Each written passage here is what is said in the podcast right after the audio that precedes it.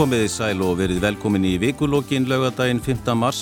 Ekkert láter á átökunum í Úkrænu, hersvittir rússa hafa verið að umkringja borgir og beita bæði stórskotaliði og flugskeitum til að brjóta niður alla mótspyrnu. Mörgundurinn þúsund manns er á vergangi og flótta og viðbúið að flóttamannaströymurinn aukist enn frekar á næstu dögum og vikum. Í vikunni var barist við kjarnorkuveru og óttuðust margir að meiriháttar kjarnorkuslis var í uppsiklingu.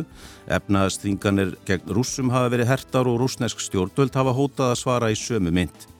Hinga til að ræða þetta mál eru komin Rósa Magnúsdóttir, professor í sakfræði og sérfræðingur í sögu Sovjetríkjan og Kaldastrýsins, Kristín Hjantísdóttir, framkvæmtastjóri Rauðakrossins á Íslandi og Eirikur Bergmann, professor í stjórnmálafræði. Verið velkomin. Mm, takk. Takk. Takk fyrir.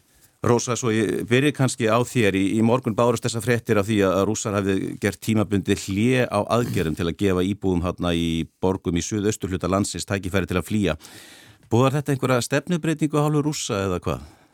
Nú heyrðum við bara rétt á þann í frettunum að rússar hefðu brotið þetta vopnalli og það gengi verið að koma, koma úkrænumennum undan. Eh, þeir átt að hafa hérna fimm tíma til að koma almennum borgurum út Ég sé að sagt, það er litið til þess að úkrænumannum hafi tekist að stöðva þessa 64 km lungu rúsnesku bílalest sem er fyrir utan Kíif. Ég sá að það er bandariska varnamálaráðniti sem segir að það sé mögulega út af því að það hafi tekist að eðilegja þarna ykkur að brú og eða það sé bara vegna skorts á heldsneiti, reynlega hjá rúsneska hernum, við vitum það ekki alveg. En ég sé mitt sko að sömur hernaðsarfrængar eru hissa á því að rúsum hafa ekki gengið betur á jörðinni og telja að nú muni þá kannski kjölfar þess að vopnalés eða næstu dag að koma til uh, ennþá meiri árás á lofti og það verður það haldið áfram með þessa nótkun flugskitavopna.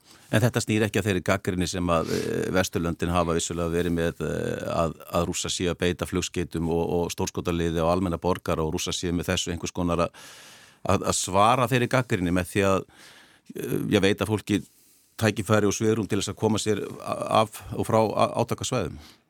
Mjög, mjög erfitt að lesa í það hvað rúsa nákvæmlega halda að þeir sé að gera sko.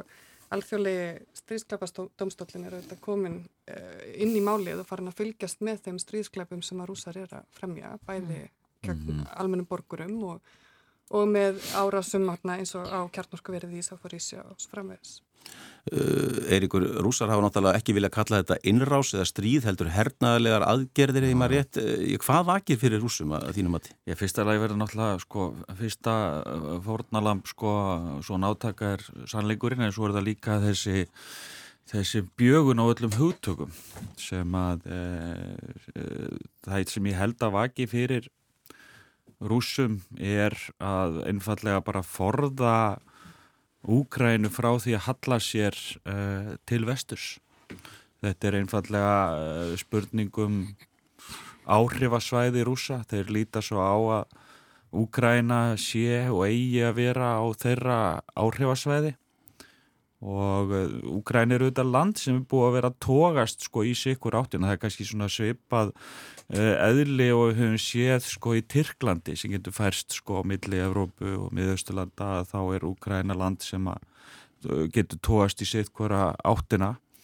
Og þarna voru, hafa auðvitað verið stjórnvöld sem hafa hallað sér af Rúslandi og átökinn 2014 leiða til þess að þá verður stjórnvöldum er steift og og sko Viktor Janukovic er eh, útlægi í uh, Rúslandi og um, þó svo að rúsar hafi ekki gefið upp hvað þeir ætli sér að gera þá er mér algjörlega til efs að þeir hugsi sér að halda landinu sem einhvers konar uh, rúsnesku landsvæði. Ég sé það bara ekki fyrir mér að það sé hægt. Þannig að ég hugsa það var ekki fyrir þeim að skipta þarna um stjórnveld reynlega og það er eftirtækt að verða Janukovic er komin til Minsk þannig að sko kannski er uh, ætlunin að koma honum til valda aftur og það væri svona rauksemda fæsla sem myndi ganga upp kannski í þeim heimi sem þarna er búið að búa til að það sé einfallega verið að leiðrétta rángindi eh, sem að það óverandi stjórnvöldum hafi verið, uh, hafi verið beitt að maður reynir að setja sín í eitthvað svona hugarheim. En þetta eru þetta bara þegar þú komin ofan í kjarnamálsins bara útþenslu stefna uh, þau stýr nafni þjóðnisíkju eins og við höfum séð ofta áður. Og í því samhengi er þetta ekkit kannski svo óvanalegur viðbörð þótt að skjálfilegur sé. Við höfum bara séð það oft áður í veraldarsögunni að átöka þessum toga eru háð í nafni einhvers konar þjóðernislegrar útænslu uh, stefnu. Þannig að kannski er þetta bara miklu klassískara heldur en að við höfum uh, hort á það fram að þessu. Rósa... og kannski er þetta bara vennjulegra ástand heldur en að, að hérna, uh, við höfum svona uh, hugsað um það. Það hafa verið innrásir í ríki uh, gegnum tíðina og, Rúsland hefur verið útstenslu samt ríki.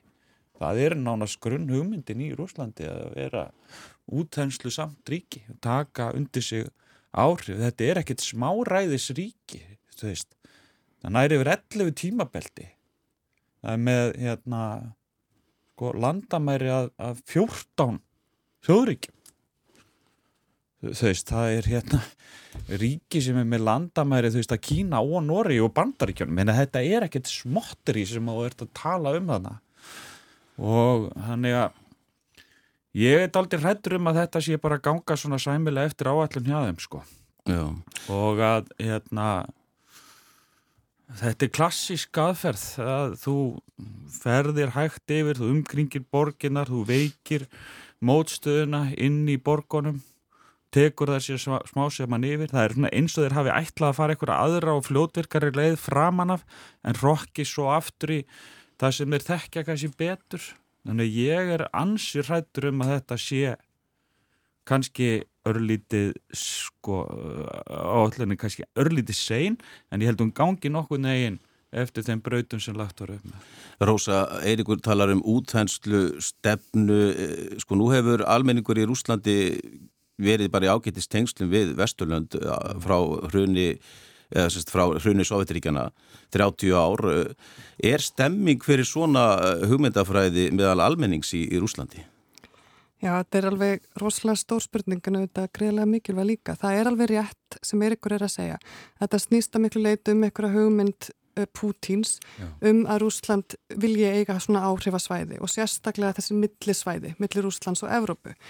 Pútin vísa mikið í söguna, í síðari heimstrjöld, hann talar um rúslandska heimsveldið og soviska heimsveldið og er mikið mm farin að ræða sagt, og, og, vekja upp þennan óta. Það er að mörguleita ástæðan fyrir því að hann talar um þetta sem aðgerð, þetta er aðgerð til að bjarga rúsnesku mælandi eða rúsum í Úkrænu frá fasistum í Úkrænu. Mm. Þannig að hann er í rauninni bara, þetta er allt saman hluta af einhverju áráðu stríði eh, sem að í miklu mæli núna beinist gegn rúsum og það er alveg rétt að við höfum séð rúsa núna í miklu sambandi við Vesturlund og sko þeir rúsar sem að ég þekki best er fólkinan háskóla sem hefur stundan ámverlenda háskóla fyrir ára ástöfnur út um allan heim mm. og teku þátt í alþjóðlegu samstarfi sko þetta fólk hefur varað við Putin lengi, þetta fólk hefur verið núna er núna algjörlega miður sín, sér enga framtíða möguleika innan, innan Rúslands Og sko ég hef líkast verið að ræða að það er sko þetta fólk sem að fer á internetið og skoðar erlenda fjölmiðla á erlendum tungumálum. Mm -hmm. Við verðum að muna að rúsar eru 140 miljónir og ekkert allir eru sterkir í erlendum tungumálum. Þannig að það hefur skipt greiðlega miklu máli að þeir hafa ekki haft aðgang að réttum og hérna, góðum heimildum, góðum fréttum á sinu eigin tungumáli. Við megum ekki gera meiri kröfu til rúsa heldur en við gerum til okkar sjálfra um að þeir sé að lesa frétti kannski á -hmm. frönsku, þísku, ennsku og svo framvegist. Þannig að það sem að Putin hefur gert og alveg markvist frá því hann kom til valda, við erum ekki bara að tala um Putin 2 frá 2012, við erum að tala alveg um Putin bara frá árunni 2000, hann hefur dreyið úr sjálfstæði þessara stopna sem við teljum að sé undistæða í líðræðslegu samengi við, minna, Putin var, það var að tala um þetta stýrða líðræði, það var að tala um þetta ófrjálslinda líðræði sem að Putin stundaði og svo erum við komin yfir í þetta svona valbóðstefnu en, en við erum komin alveg yfir í allræði sko. Er, það, er staðan þannig, er, ræður hann öllu, er, er hann ekki með einhverju áhrifamenn í, í kringu sig sem hafa eitthvað um málið að segja? Það virðist svo vera, eins og við sáum nú bara bara í sjónvarpinu í síðustu viku á þessum fundi öryggisrásins að hann hefur þessa nánustur ágjafa algjörlega sko bara, þeir eru í mjög erfiðri stöðu. Þeir eru allir hérna, svona jámenn sem að bara verða þegar þeir eru með líka stilt upp í vegg þá verða þeir að vera sammála Pútín og, og það er erfitt örglega fyrir þessa klíku að einhvern veginn ganga gegnum en við vitum það ekki. Það er erfitt að segja nákvæmlega til um hver staðan er í þessum einsta ring Pútins akkurat núna. Hann er náttúrulega sko búin að yfir langan tíma að sölsa undir sig öll völd. Þetta er svona frekar dæmigert sko fyrir leittóa sem að hafa sterkar leittóa sem hefur sittið mjög lengi sapna að sér völdum og það vinsa smá saman út allir sem að sko mæta uh, viðkomandi og hann sko sittur eftir einn og einakrar og það er líka ákveðin sko munur á stjórnanfarinu núna eins og til dæmis sko, var í Sovjetríkjunum þá voru þetta miklu eða á kannski svona setni tímum allavega, þá voru miklu fleiri sem komi að, að stjórninni sko. Þú varst með Politbjöró og þú varst með einhvers konar apparat í kringum þetta sem að fjöldi manns tók þátt í. En núna er þetta orðið nánast eins og bara enga eign um, Vladimir Putins. En við erum samt að sjá fréttir og heyra því að þessir auðmenn, þessi ólíkarkar sem að hafa verið helstu stunningsmenn Putins, að þeir eru að tapa gríðalegum fjármennum. Já, það er náttúrulega þessi sko viðbröð sem voru á Vesturlundum. Þau voru framann af óbáslega veik.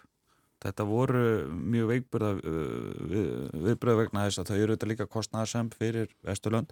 En smá saman þá hafa þessar aðgerði verið að herðast og býta og uh, þeir hafa náttúrulega einhvern nátt sko beinst uh, verulega að uh, ólíkorkonum um, Putin gerði á sínu tíma samning við helstu ólíkarka landsins sem höfðu bara rænt ríkinu.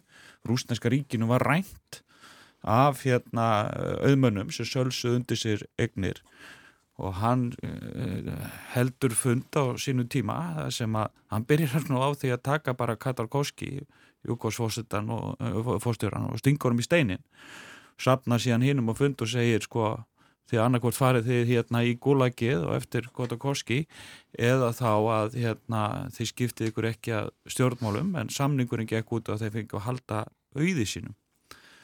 Um, og þetta, þetta er eitthvað ríkasta fólk veraldar en það hafið að rænt heilu ríki og einhver smáraðis ríki og þetta fólk er núna að lendi vandraðum uh, út um allt. En maður átt að sé ekki alveg nákvæmlega á því hvað það býtur á hans sjálfan. Pútin er held ég ekki maður sem gengst upp í sko einhverjum vellistingum auðs, það er eitthvað annað sem að drýfur þennan mann áfram heldur en uh, heldur en það að sko að, að njóta auðöfa það er eitthvað annað sem er, er eitthvað svona uh, önnur hugmynd sem að keirir hann áfram. Rósamarið heitti fleikt fram að hann sé einhvern veginn að hugsa um uh, sögubækurnar í þessum skilningi, hann er náttúrulega að verða 70 ef ég maður rétt og, hérna, og kannski vill hann skrifa einhvern veginn mm. hvernig, hvernig hans verður minnst í sögunni. Já, hans verður svo sannarlega minnst í sögubókunum, hann er nú algjörlega búin að tryggja það. Mm -hmm. Ég tók nú eftir bara í morgun að er hérna, dánar Amali Stalins, annars leðtöða sem er nú minnst ekki á góðu í þessu samingi, 69 ár síðan Stalin lest í dag. Þannig að sko, já, Putin, já, hann, hann hefur þessar hugmyndur um að, að, að ákveðin ríki í þessu heimskipulegi, hann hugsa sérstaklega kannski um Rúsland, Bandaríkin, Kína og Indland eigi að hafa eitthvað skonar æðra fullveldis mm -hmm. einhvern æðri fullveldis skilning heldur en aðrar þjóðir eigi, þessi ríki, það skiptir meira máli hvað þeim finnst á allþjóða vettfangi og hann er svo, já hans verður minnst en, en ekki á góðu Kristín, við heyrum fregnir af, af hérna, bardugum í, í, í og við borgir, eh, eldfröðar, árásir og sjáum myndir af eh, stórskotaliði og ásvo mhm. framvegis. Mm -hmm. Þessi man, mannlega harmleiku sem er að eiga sér stað þarna, eh, vitu við eitthvað nákvæmlega um umfang, umfangið? Já, hann er algjörlega ríkalegur og þetta er náttúrulega bara algjört hörmungar ástand þarna inn í Úkrænum uh, og, og, og þetta er líklega stærsta verkefni Rauðakrossins í Evrópu frá síðari heimstyrjöld og, og þá mm, starra verkefni, þetta er júkuslæði verkefni var á sínu tíma. En það sem er náttúrulega, núna er, er, er viðbrenn og er við bara í miðum átökum í raun og, og Rauðakrossin á Íslandi er að styðja eins og öll annu landsfélag í heiminum 192 málega að segja allir er í fjársöfnun því það sem vanta núna eru fjármunir.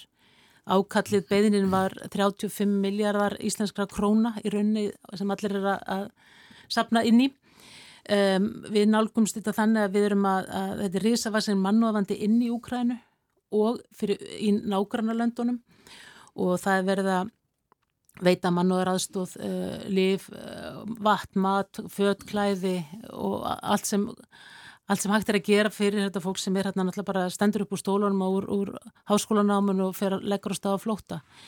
Það eru, Ukrænski Rauðakrossin er núna með um 4000 sjálfbáðilega sjálf sem er að stiðja eigi fólk inn í Ukrænu og Rauðakrossin í Íslandi er núna að senda eftir helgi fjóra sendifiltrú uh, á, á svæðið Tveit verður í Budapest, eitt verður á flakki í milli landana í kringum Úkrænu og einn uh, öryggis sérfræðingur er að fara inn í Úkrænu og verður allavega í þrjárvíkur inn í kænugarði. Hvert verður hlutverk þessar fólks? Er, það er misjamt, það er uh, hjúkurnafræðingu með sálfræði þekkingu, það er uh, hérna svona, svona haldutunum skipulag og sálrætt stuðningur það verða að fylgjast með hérna móttöku, að stiðja þá sem eru í jæðarhópum sem eru fatlaðir, sem eru mannan húðlit líka og, og, og konur á flótta, börn á flótta að, að það þarf að og síðan er, er, er öryggisærfræðingur sem fyrst inn í Úgrænu þannig að þetta er, þetta er mikið verkefni. En við allavega, þetta er sagt, eins og við fylgjum með í fjölmjölum að þá er náttúrulega ástandi algjörlega hrikalegt og, og, og, og við tengjum þetta náttúrulega við hér og kannski Evropa búar og vest, vestræn lönda því þetta er svona eins og segir fólk eins og við í gæðslöfum en hérna en þetta er um, næsti fasi er svo að, að taka móti fólkinu þanga sem það fer og, og við erum náttúrulega í þeim undirbúingi líka að, að undirbúa að komi flóttafólks til Íslands á samt uh, öðrum, öðrum hérna innanlands. Það eru 1200.000 manns, það er svo tala sem er ofinbæra talan uh, á flótta akkurat mm. núna. Mm. Uh, Sérfæðingar telja að þessi tala muni hækka mjög hratt á næstu dögum og vikum. Ertu samála því? Já og það er alveg ör, öruglega þannig og spánir þetta verða, verða marga miljónir sem far út og nú er náttúrulega verið að opna leiðir fyrir fólk úr, úr herrtaknu borgunum út e, e, þegar vopnulegi verði virt þá mm -hmm. og, og þetta er, fólk á flóta er bara staðrind og, og Úkrænu stríði segir okkur það eða átökinu Úkrænu segir okkur það að það þarf að vera til gott kerfi sem tekur á móti lögfræðastóð og félagslegu stuðningur og Þetta er vennlegt fólki í óvennlegum aðstæðum eins og við segjum oft og, og, og nú erum við í Evrópu með mjög stort verkefni. Miðasturlöndir en, en átök og fólk á flótta og, og frá Afrikulöndum þannig að mm -hmm. ég held að við verðum bara að hára stegu við það að, að fólk á flótta er staðrind og verðum bara að vera tilbúin að taka á móti og sem við erum og við, við upplifum það hjá Rauðakrossunum að neyðasöfnur Rauðakrossun hefur gengið mjög vel Það eru komlega 30 miljónir bara á, á viku sem er alveg einstakt. Uh, fyrirtæki hafa verið að hafa samband og, og, og einstaklingar, almenningur og, og hérna þannig að þetta hefur gengið alveg ótrúlega verið. Þetta snertir fólk mjög mikið þetta. En, en síðan er það, síðan er það þegar ríki sest að þá er æriverkefni líka. Hvernig hefur gengið að, að koma hjálpargögnum inn, á, inn til þeirra sem á, áþurfa? Það hefur gengið vel og það eru Rauðkrossin í Úkrænu stýrir för með stuðningi alþjóða Rauðkrossin sem er með höfustöður í Genf og um, enn en sem komið er hefur, hefur ekki orðið sem sagt uh, hafa ekki gerðar árásir á, á Rauðkrossbíla eða Rauðkross-starfsólk og Rauðkross-sjálfbóðilega en það er það sem, að, það er, það sem er við, við óttinstöðut að mannúðalögin verði í brotin og genfarsáttmálin að, að, að virða ekki virða ekki að, að hérna, ráðast á eignir og, óbrytta borgar í stríði. Það er það sem við óttumstu auðvitað en þetta hefur gengið vel en þetta er náttúrulega eh, eins og við sjáum öll í, í fjölmunum þetta er náttúrulega ekki mjög góðar aðstæður. Það er fólk fer í, í, í skjól og, og heldur svo áfram en um, eins og, eins og við sjáum líka í fjölmjölum hér og, og, og, það er að bætast í hópin ven, ven, á velnöðu degi fyrir stríðið eða fyrir þess að átök voru 4000 sjálfbóðilir í Úkrænu þau eru miklu miklu fleiri núna. Þannig að fólk stendur upp á sofunum og hérna hjálpar til, bæði inn í Úkrænu náttúrulega en, en eins og í kringum Úkrænu, öll landin, Póland, Moldavia og alls það er í kringa, það er bara, eru sjálfbóðilegar sem bara bara er, vil ekki reyna að gera allt til þess að hjálpa til, til að hjálpa fólkinu.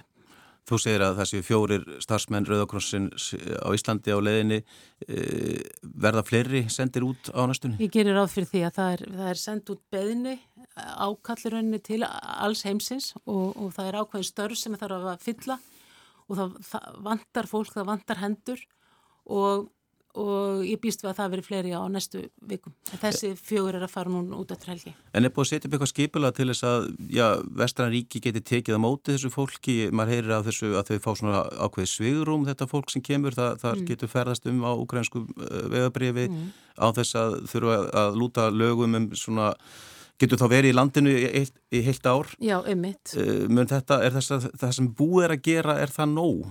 Sko, það er náttúrulega eins og, eins og í, í, það eru öll löndarinn að opna og gera hlutina einfald, einfaldir en, en úkrænumenn geta náttúrulega bara ferðast með sitt vegabrí og komið til Evrópu.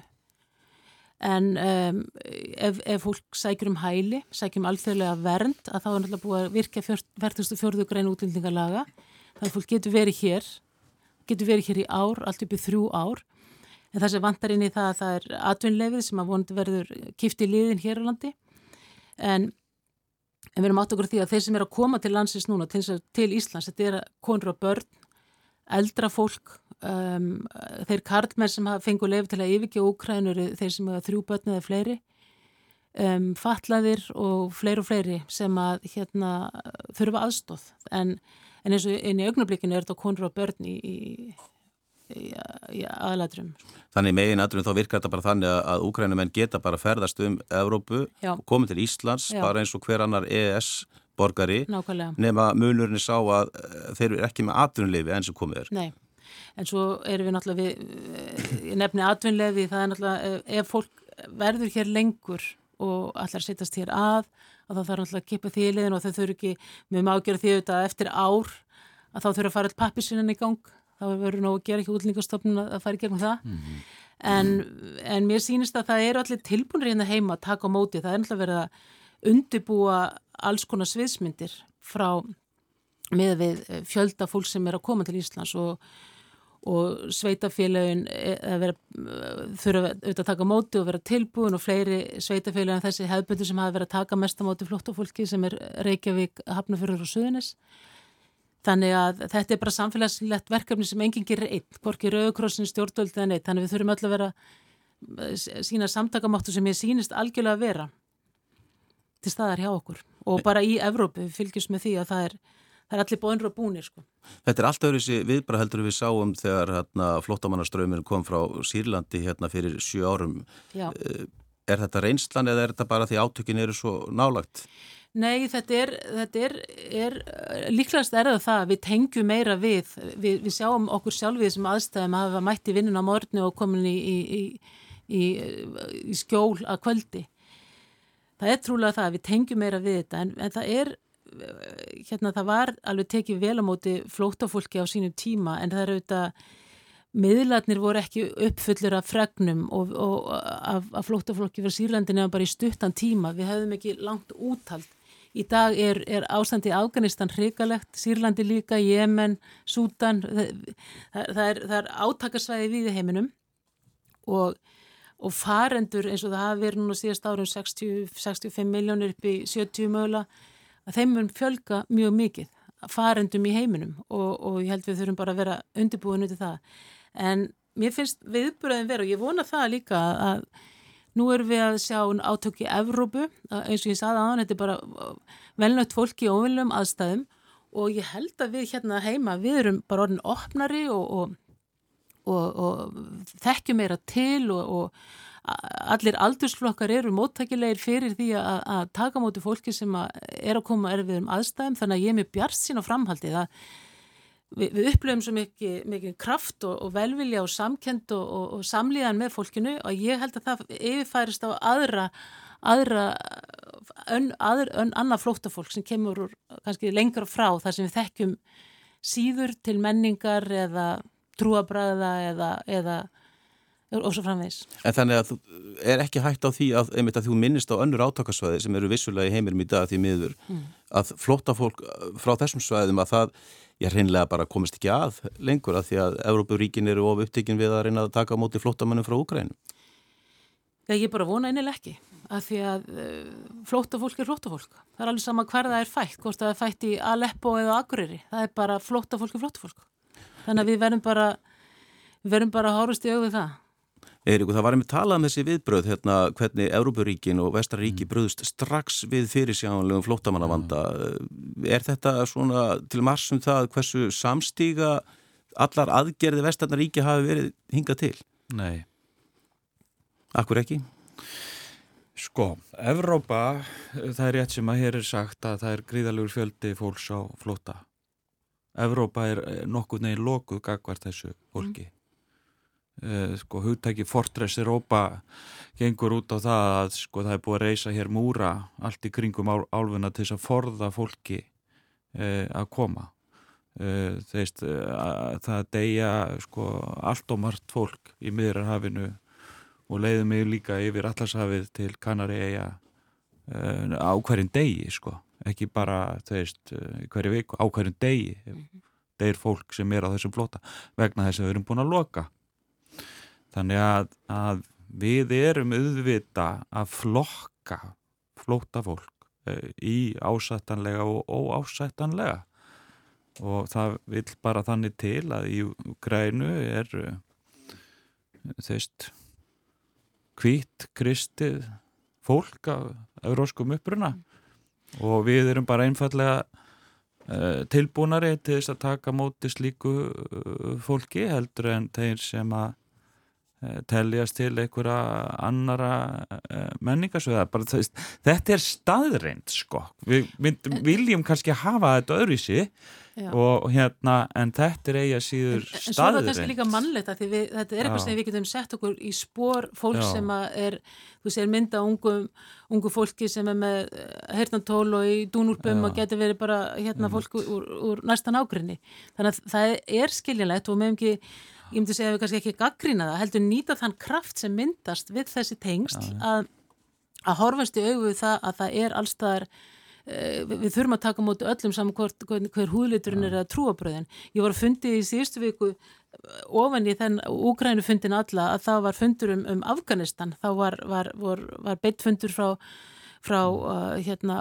Afganistan, Rauðakorsunum í Afganistan, Rauðahálmannanum með fólki sem hafa komið til Evrópu og Rauðakorsunum er reyka 120 heilbriðstofnanir í Afganistan og, og það var verið að fara við lista frá læknum og sérfræðingum, hjúkurnarfræðingum hvað vantar á þessa, á í þessi úrræði og ofalega lista var orðið matur, ekki liv og, og tæki, heldur, var matur komin ofalega lista, þannig að maður sér það það er fólk að líður skort og hungur og, og hérna, nú kuldin komin líka, þannig að e, þetta, þetta er stórt verkefni, við meðum samt ekki, eins og ég segi líka, við verum líka að passa okkur á það eins og ég nú bara þegar við verum að tala hérna í útvarpinu og, og, og allur aldurs, aldursflokkar að hlusta að, að við verum líka að taka okkur hlið frá þessu umræði og fólk verum að fara bara í sundu út á ganga að því við sittum hérna á Íslandi og fólki líður illa, við finnum það í hjálpa síma Rauðakrossins að það er að aukast mjög mikið símtöl og, og, og, og netspjall inn til okkar þar sem fólk hefur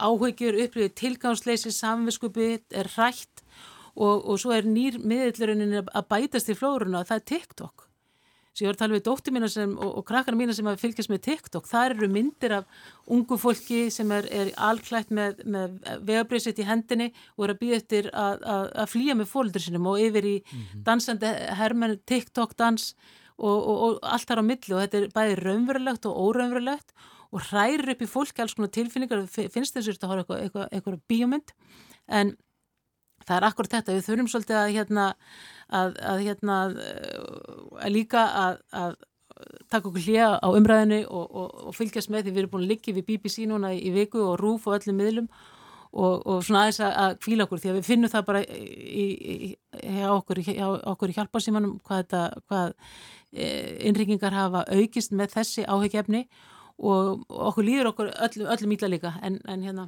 svona til að koma því að Er það ekki nákvæmlega það sem að einmitt, þið bæður að segja sko, að þessir flótamenn sem við höfum verið að fá frá Sýrlandi mm. auðvitað höfum við líka saman með þeim mm -hmm. en það snýst svolítið mikið um að við erum að upplifa óp að við erum orðin hrætt, þetta er ekki bara við samsverum okkur með úkrænum en þeirra örlegum heldur að við sjáum þetta bara nær okkur Akkurat, og við sáum ekki fyrir okkur að þessi átök í Sýrlandi eða Nei. Afganistan að þau myndu hafa bein áhrif á okkur. Nei, akkurat nákvæmlega og það er það sem er og, og þess að að að við meðum ekki skammast okkur fyrir það að, að hafa augun á Úkrænu núna því að þetta er aðal máli og þetta er eins og þú segir að það er, við vitum ekki uh, hver verður næstu skref. Vonum við, vonum við að það verð ekki heimstyrjöld eða átöki Evrópu en, en, en þetta er svona, þetta er hérna flókið og fólk upplýðir alls konar tilfinningar í þessu og, og hérna en, en rauninni sektakent hjálpar ekki heldur bara rauna að, taka, að hugsa líka þegar fólk fyrir að, að koma hér til landsins og allt flóttafólk sem er á Íslandi nú þegar, það eru nokkur hundru mann sem er hér í,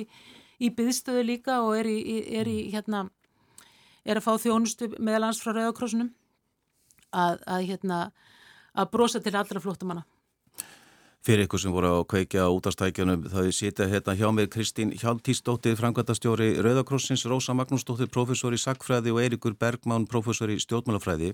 Við hefum aðeins verið að tala um þessa samfélagsmiðla og við heyrum fréttir að því að nú eru rúsnars stjórnveld búin að loka á samfélagsmiðla og marga erlenda fréttaveitur og fréttamiðla.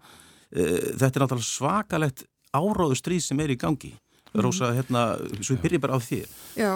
Já, við sáum það sko í vikunni, fyrsta mars þá lókaði Echo Moskvi sem var svona eina frjálslinda útastöðin í Rúslandi og, og sjómastöðin Dost, e, þeim var lokað og svo í gær komið þessar mjög alvarlega fréttir um að það voru gerða breytingar á hegningalögum í Rúslandi sem gerði bara glæpamenn úr öllum þeim sem að reyna að stunda sjálfstæða blaðmennsku. Mm -hmm. Það, hérna, þetta eru bara rýtskoðunarlög því það núna er, er 15 ára fangelsi, eru viðlegin við því að, að flytja það sem að rússar kalla falsfréttur um stríðið og það hefur þrýst til dæmis núna Nova Gazeta sem var svona þetta dagblad sem hefur haldið uppi einhvers konar frjálslundri fjölmjölun, hann fekk nú Nobelsverlunin riðstjóri þess uh, Dimitri Muratov í fyrra og tilengaði þau sex uh, myrtum bladamönnum Novaja Gazeta sem sýnir bara að aðstæðna voru slæmar alveg fram að daginum í dag.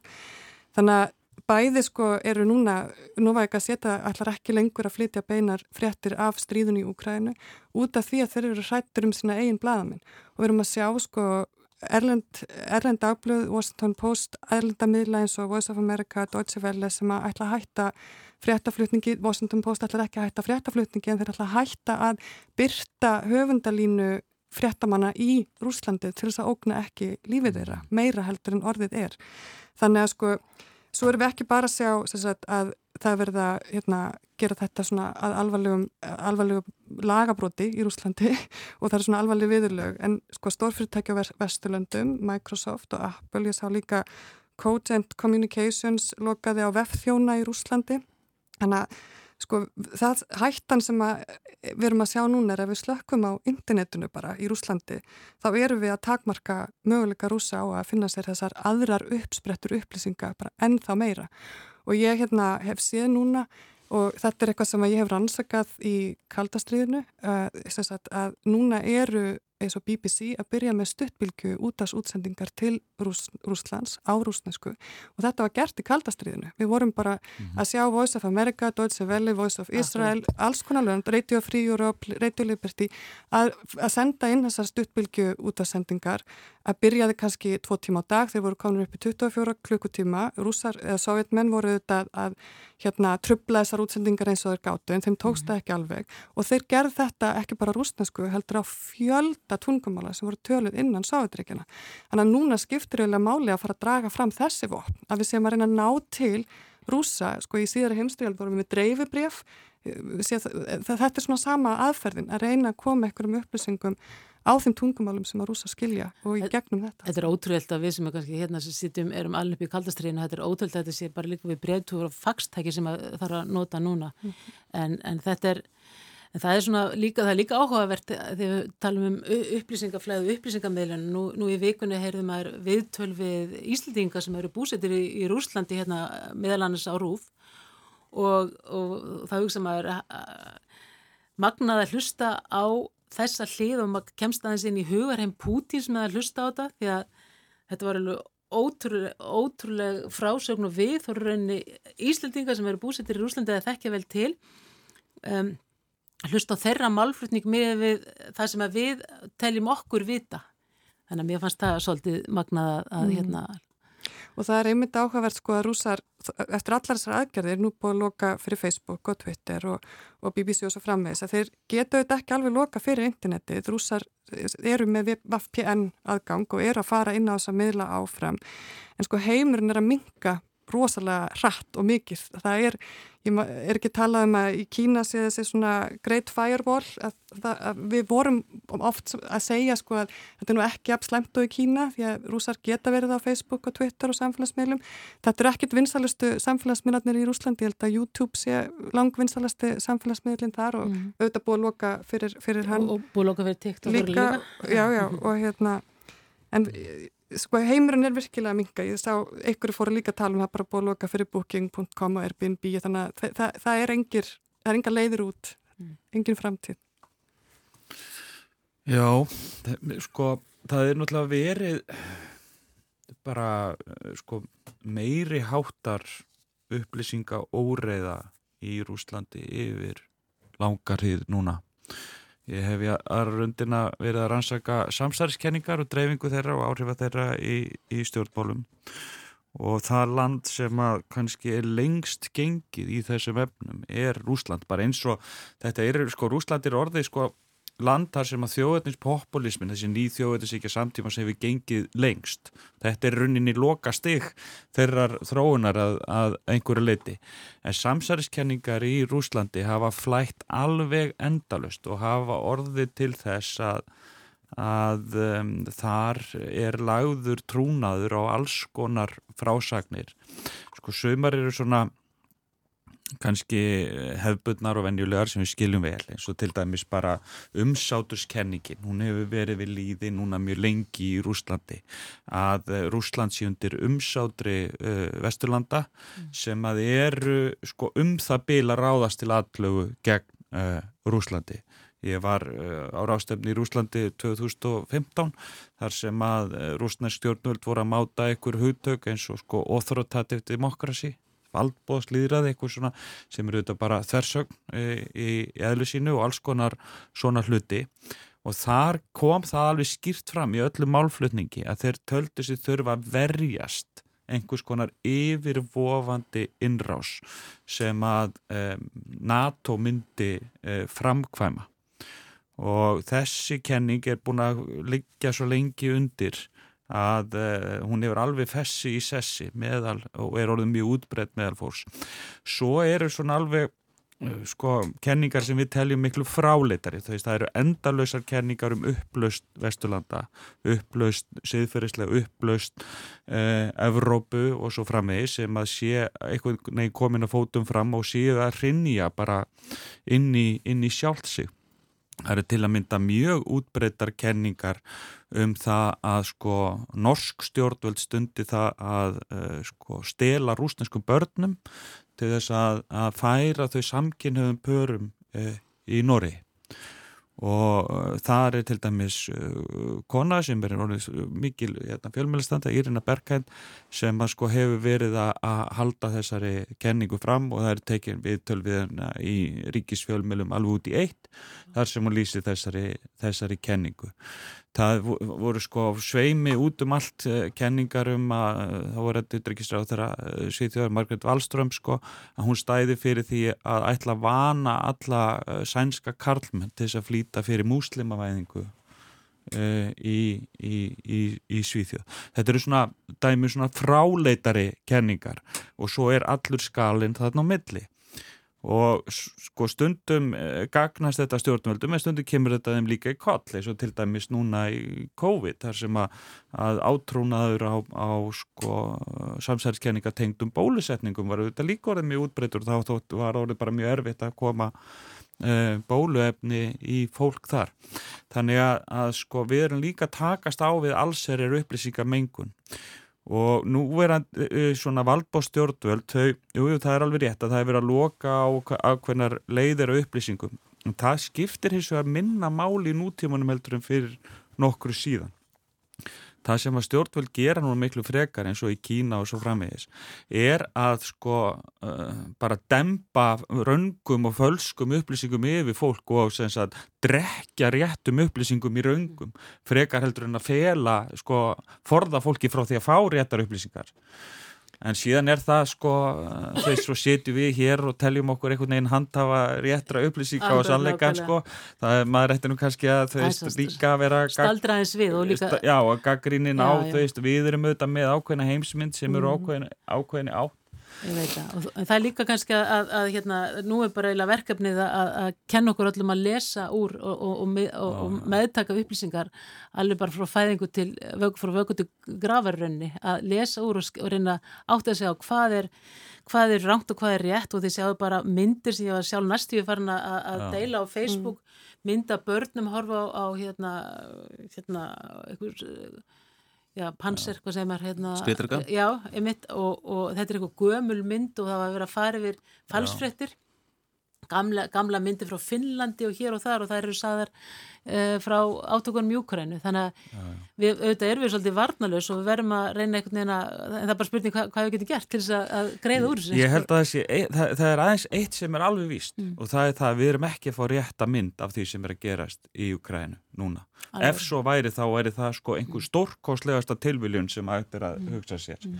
þannig ég held að sko við þurfum að taka þessu öllu með varút og við lifum við ákveðina heimsmynd mm. og, og hún er nærð með ákveðinum tegundum upplýsinga þannig að ég held að Þessu... það hafi gripið um sig ákveðin sko óskikja meðal okkra margra um hversu sko erfilega þetta gengi hjá rússonum mm. og hversu sko varnir e, úgrænumanna væru, væru góðar.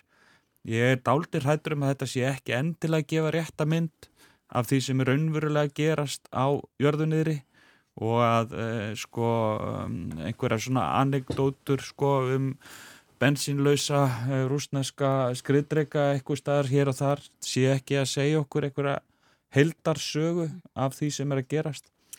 Þannig að það er ágætt að sko passa sig aðeins á þessu Þetta er alveg rétt að við þurfum þetta, sko hvað getur við gert? Við þurfum að auka skilning okkar á fjölmjölum, fjölmjölalæsi og við þurfum að halda gaggrinni hugsun mhm. að unga fólkinu og ég heyrði nú bara í einni vinkonu minni, profesor í Moskvu í gær sem sagði að hún var að gera allt sem hún gæti en kollegarnir er að missa vinnuna því það er lunga búið að skipta út næstum öllum rektorum sem eru núna bara mhm. stuðnismenn Pútins og þeir missa vinnuna fyrir það eitt sem hún sagði að kenna háskólanemum gaggrina hugsun ja. að halda þessu að þessu fólki þannig að mm. sko, við, erum að, við erum að eiga við alveg sko, gríðarlega mikla harstjórn þegar að, að þessu kemur þannig að það er alveg rétt að sko, sko, við þurfum við þurfum að hafa ykkur leiður til að halda upplýsingum að mm. fólki sem er ekki að fá réttar upplýsingar og við þurfum einhvern veginn að, að kenna okkur öllum og komandi kynsluðum að greina á milli þess sem er réttið er átt. En, en mér langar líka að þess að stinga hérna einu að við erum að tala um rúsa, að við þurfum líka núna að virkilega passa okkur að við erum að eiginlega að tala um Putin Já. og hans fylgifiska. Hér á landi búa margi rússar og, og, og, og börn sem eru hálf rúsnesk og Já. og þeim er farið að líða ítla þannig að við verðum að muna að þetta er eh, rúsar eru fólk og, og, og, og rús, rúsarnir sem eru búsettir á Íslandi við verðum að bara passa okkur að þeir, þeir eru ekki gerundir í sér stríði. Þetta, þetta er meiri áttar harmleikur fyrir rúsneskan almenning sem býr annar staðar. Ég tölur verðt af rúsneskum eh, vinnum og kollegur sem mm. búa á Vesturlöndum. Mm. og fyrir þá er þetta bara algjört reyðaslega Bara, Þannig að, að þú veist, það þarf um þetta að gæta þess. Að gæta, gæta þess að, að, að hérna, fólk hérna, æsist ekki upp í umræðinum að fordam allar rúsa. Nei, en enda hafa rúsna stjórnvöld reyna, hafa verið að reyna að bæla allar neikvæði fréttir sem hafa komið frá átakasveðanum. Eh, sko, að bara svo staðrind að rússa séu ráðast inn í Úkrænu er eða sko eins og normin verður að ráðast inn í Svíþjóð ég veit þetta er kannski ja, ekki gott dæmi en, en það er bara til þess að fólk gerir sér grein fyrir því hvað þess að þjóður eru nátt hengdar uh, sko er hinn almenna rússa, því við erum að tala um hinn almenna rússa mm. ef hann hefði allar staðrindir uh, hérna á borðinu myndi hans einhver tíma samþykja þetta stríður rússa? Nei, mjög, það er mjög óleiklegt og þá er ég bara að hugsa svona um það samanlega í okkur mhm. öllum að, að samþykja engin svona stríð og, og sko, einmitt, þessi upplýsingaórið er eitt og eins og við erum búin að vera að segja, hún er búin að vera vara í mjög langan tíma og hefur haft alveg gríðlega slæm áhrif. En það er einmitt almenningur í Rúslandi að hætta lífi sínu hvort sem það er við að reyna að kenna gaggrina hugsun eða fara út á götunar. Nýjustu tölur uh, segja þessu rúmlega 8.000 mann sem hafa verið handteknar í mótmælum í Rúslandi og sko þetta, þetta er stór hættulegt, ekki bara handtökur og fangilsistómar það, það er minna, eins og þessi rittskoðuna lögur að sína, eru, þetta eru langir og alvarlegir fangilsistómar eh, viðlöf við því að vera mótmæla eða að hafa ykkurar rangar upplýsingar að mati rúsa í gangi. Þannig að, þannig að það er mjög margt, margt hugrækt fólk í Rúslandi sem er að mhm. hætta lífið sinu og sko þetta, maður getur vona að þessi hópur minni stælka eftir því sem maður nú líður á átökjun og fólk fyrir að skilja betur og betur, að þau fyrir að skilja eins og ég hef sagt áður að þeirra foreldra þessara ungu manna mhm. sem eru þarna í Úkrænu, stærstu hlutið þeirra er kannski um og upp úr tvítugu. Þegar þeir fara að skilja þessi foreldrar að þessi drengir eru ekki þarna í einhverju æfingu, þeir eru ekki bara þarna að bjarga mm. rúsum frá nazistum heldur eru þeir bara að láta lífið á hörmulegan hátt, alveg eins og og, og að drepa bræðursunar í Úkrænu Þannig að það er auðvitað vonin núna með öllum sem þvingunum, með öllum sem aðgerðum að þetta, þessi vittneskja verði útbreytari í Rúslandi og það, ég er alveg sannfarið um það að almennir borgar í Rúslandi stiðja ekki þetta stríð að því gefna þeir hafa allar upplýsingar um það, hvernig það Nei, er að þróast. Sko, maður hugsa núna, eh, já, eins og Eirikur bendir á og ég held að séu margir samal og honum að þetta muni bara enda á eitt veg að, að rússar mm. þeir muni sigra og vinna þetta stríð í Úkrænu. En hvað svo?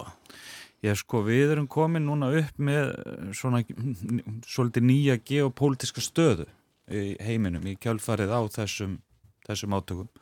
Það er búið að vera þróast undan farin uh, sjö ár uh, nýtt kallt stríð á milli Vesturlanda annars vegar og hins vegar um, annars við rúsa og einhvern veginn gagvart uh, Kína líka. Þetta eru auðvitað ekki gamla kaldastrið, heldur nýtt kallt stríð sem hefur verið að þróast á þessum, á, á þessum tíma. Og ég hugsa að þetta nýja kaldastrið sem við stöndum frammi fyrir að það muni verða um, veiga meira í kjölfar þessara átaka heldur en þeim var fram að því. Við erum komin inn í ný, eh, sko, nýjan fasa í þessu nýja kalda stríði held ég í kjölfarið á þessum átökum. Og ef við gefum okkur það að rússar klári þetta mál og taki yfir uh, Úkrænu með öllum þeim hörmungun sem að tímun fylgja að þá verður, þá kemur einhver ný, einhver ný staða í þessa, í þessa deilu og það er þá hægt að taka málið þaðan sko það afl, eh, veraldlegt afl í, heiminum sem að sko virðist að njóta helst góðs af þessum átökum er Kína. Uh, staða Kína vangast verulega við, þessa, uh, við þessi átök og það má bara lýsa því þannig sko að, að sko Vladimir Putin hafi sett sko uh, ólum hálsin á sér og rétt sko Peking tauminn. Og hann hérna sé hérna frá undir þeirra áhrifasvæði vegna þess að sko, við erum mjög gætna á að líta á verölduna út frá vestrænu sjónarhóli og, og sko við höldum það gætna að, að hinn vestræni heimur sé sko uh, allsráðandi í veröldunni og þannig var það kannski uh, um ákveðin tíma en það er ekki alveg þannig lengur sko Rúsland getur lifað alveg ágættis lifi uh, skorið frá Vesturlöndum svo framalega sem þeir hafa skjól í Kína. Þeir geta stundar nánast öll sín viðskipti í gegnum Kína ef þeir kjósa uh, sem svo og ef að kínverjar uh, leifa það. Þannig að það afl sem ræður mestu um þessa deilu. Það er ekki þau veist í Washington eða, eða London eða Brussel, eldur er það í Peking. Og það er einverðungu kýmverðar sem geta tekist á við uh, rúsa í þessari, í þessari stöðu. Og Peking hefur bara leift þeim að fara fram með þessum hætti sem þeir hafa gert og hafa gefið þeim lausan taumin því að núna eru þau komin með taumin í hendunar sko, þau geta hérna, stýrt áldi Rúslandi kjölfarið, kjölfarið á þessu og það hefur verið mjög eftirtækt að verða að fylgjast með yfirlýsingunum sem koma út úr Peking. En að út af því að þetta er staðan, þá er Putin líka samtaldi millisteins og sleggju vegna þess að kynverjar geta bara þólað ákveðnar hörmungar því að ef að þetta verður sko einhvers konar þjóðamorði eitthvað þess að það sem fer að stað þá fellur uh, sko, þá, lenda, þá, þá fellur líka álitsnekkirinn á Kína mm. sem að veiti rúsum skjól Þannig að um leið og kynverjar þóla það að rússar taki Úkrænu þá munir þeir ekki þóla að þeir gera það með hvaða hætti sem er og þarna er einhver jafnbæðisleikur sem að verður aldrei flókið að uh, átt að sjá hvernig mun, uh, mun líta út. Þannig að ég er aldrei hrættur um að hér hafi orðið sko ákveðin geopolítisk tilfæsla á þungamiðju áhrifa í heiminum sem færist austur núna. En er ekki samt hlutin að breytast alveg rosalega hratt jú, jú. og sko það er, verður þrýst á kynveri að taka afstöðu og rússar eru held ég Ég heyrði það nú að fundi í vikunni að Rúsla, Rúsland er hvað í tólta sæti við hérna, viðskiptasambönd kínverja, þannig að það skipti þá miklu meira máli að eiga í, samf í góðum samskipti við bandrækjumenn og örgisamböndi. Já, en heimurinn á bara svo miklu meira undir kínverjum, skilur við, að það er miklu erfiðar að beita kínverjum einhverjum sko þingunum heldur en rúsum, þannig að þú getur En þeir vilja örgla allt til eh, vinna að sleppa við sko efnahagskrísu eða komast, komast sem best undan henni og við verðum ekkert að vona já, það, það er verið að þrýsta á kynverja held ég já, já, þeir verða. En það er bara spurning hversu sko hvað áhrif það hefur að þrýsta á Kína sko. Því að Kína er hérna, verksmiðja heimsins. Og hérna Vesturlönd eru þráttur allt hannig að við hugsun fyrst og fremst um sko þægindu okkar sjálfra sko það er eiginlega nummer eitt. Svo ger, förum við í einhverjar aðgerðir sem að rúmast innan þess að halda okkar þæginda stöðli ásættan, ásættanlegum. Þannig að, að sko það getur verið ég er aldrei hættur um að þessi kostnaðasamt uh, að, að einhverja mati að fara haft í Kína sko. Já, og en svo líka bara alltaf spurningum úttaldi nú eru allir ja. að banna allt í, í tengslum við Rúsland selja sparitöskunar ah, og, og fókbóltaliðin með íþjóftarsamskiptinu og allt þetta að vera að loka allt með þessi, allan með þessi átök standa yfir en svo bara spurningi hvað verður svo? Svo er það það sko. Það er sjá undir ofan af þessu. Já. Það er mjög erfitt núna að sjá hvernig það verður undir ofan af allir þessu og eins og ég segi það er alltaf breyta svo rætt bara fyrir viku síðan hefur við nú ekki verið að tala um Svíþjóð og Finnland og leiðin í allarsafsbandarlega og Nei, núna er bara yfirlegandi stuðningu við það. Og ekki breytingarnir og í Þýskalandi líka ákverðin Þýskra stjórnvalda þetta er náttúrulega eiginlega algjörlega magna Við erum eh, sannlega að fara inn í nýja tíma í öryggismálum og þið eru að segja að já, ef við horfum bara núna á þessi átök sem er í gangi í Ukrænu það, það séu kynverðar séu þurr einu sem geta miðla málum, verðum verulega Ég sé ekkit annað afl sem að getur tjóngað við Kreml heldur en Peking. Það er bara, það afl er ekki til. Mm sem, að, sem, að hefur, sem getur það. En kýmverjar, þeir sannarlega geta það. Þeir bara vilja það ekki. Það er málið sko. Eh, Rósa, er einhverju líkur á því að Pútín vilji vera einhver svona eh, undirmaður eh, peking, kýmverjar? Mér finnst það mjög óleiklegt og hérna, sko ég, ég ég sé það bara að það er mikil spenna í kringum kynverja og að þess að mikil þrýstingur á að þeir taki ykkur skonar harðari afstöðu heldur en þeir hafa hafa verið að gera. Þannig að, þannig að já, ég veit ekki veit ekki hvað skal segja. Kristín, þú talaði mikið með þess að kannski að sökva sér ekki of mikið inn í ofan í þessa umræðu hérna við getum kannski aðeins svona í lokþáttarins tekið upp ölliti léttara hjál hérna tal sko framöndan, helgin framöndan Já, það er mjög margt merkilt framöndan vegna þess að móðum mín Þórun Þóruðdóttir hún er 80 á nýjar í dag og við erum að fara í ammali til hennar eftir, heim til hennar í háttegisverð og hún eh, nefnir það ofta á ammalisteginum 5. mars að þegar hún var í MR þá kom rektor inn í tíma og eh, sviftur upp hurðinni og, og segir Stalin í dáin. Og þarna var hún alltaf ekki verið 20 ára eða 19 ára.